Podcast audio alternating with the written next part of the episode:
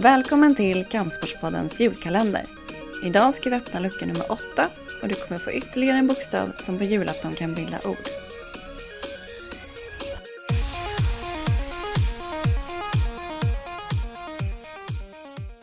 Ordet träning förpliktigar, åtminstone inom budo och kampsporter.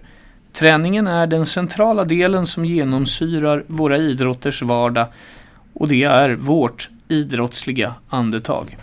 Budo och kampsporter må vara de allra mest medaljproducerande idrotterna inom svensk idrott, vilket vi kommer att öppna en lucka om lite senare i kalendern. Men det allra viktigaste är att kunna träna.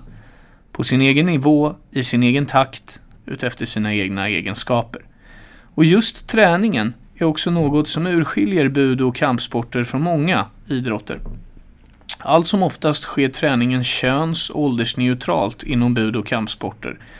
Du ser alltså gamla och unga, tjejer och killar och dessutom på olika nivåer träna gemensamt.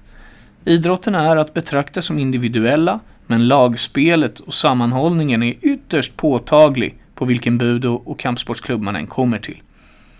Att de allra flesta i överlägsen majoritet är tränande medlemmar som aldrig ens kommer att tävla är ett annat adelsmärke för just vår sport. Många tränar också långt, långt upp i åldern. Ja, faktiskt nästan tills det knappt går att träna mer.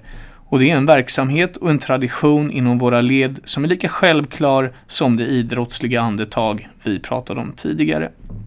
Och luften som vi budo och kampsportsidrottare andas är också väldigt frisk.